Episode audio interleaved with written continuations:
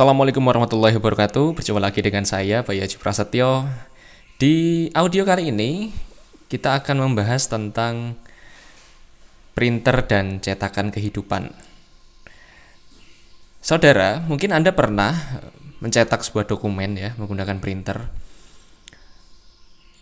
Pertanyaannya adalah, apa yang Anda lakukan jika ternyata dokumen yang Anda cetak itu ada tulisan yang salah?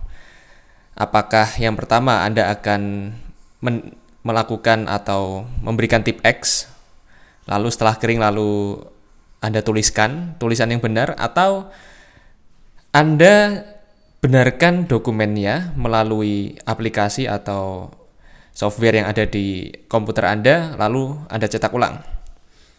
Kemungkinan besar mungkin Anda akan cenderung memilih pilihan kedua yaitu Anda akan melakukan editing di software yang ada di komputer Anda. Nah, saudara-saudara, cetakan dokumen tadi sama seperti kehidupan. Apa realita yang kita dapatkan setiap hari, apakah baik atau buruk, apakah sering beruntungnya atau sering sialnya, atau seperti apa pun, itu adalah sebuah hasil cetakan yang kita lihat, yang kita lihat. Nah, masalahnya adalah jika ada hasil cetak kehidupan yang tidak baik, tidak sesuai dengan ekspektasi atau tidak sesuai dengan yang kita inginkan, maka kita sering kali melakukan tip X tip X ya.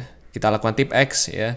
Kita lalu tulis ulang dalam dalam tanda kutip dokumen tersebut hingga capek ya. Karena apa?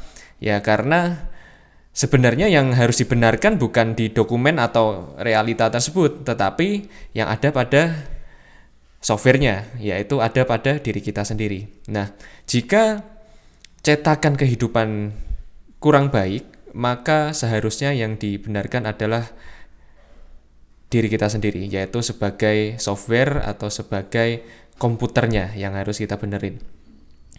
Kita harus benerin yang ada pada diri kita karena realita sedikit banyak adalah representasi dari apa yang ada pada diri kita.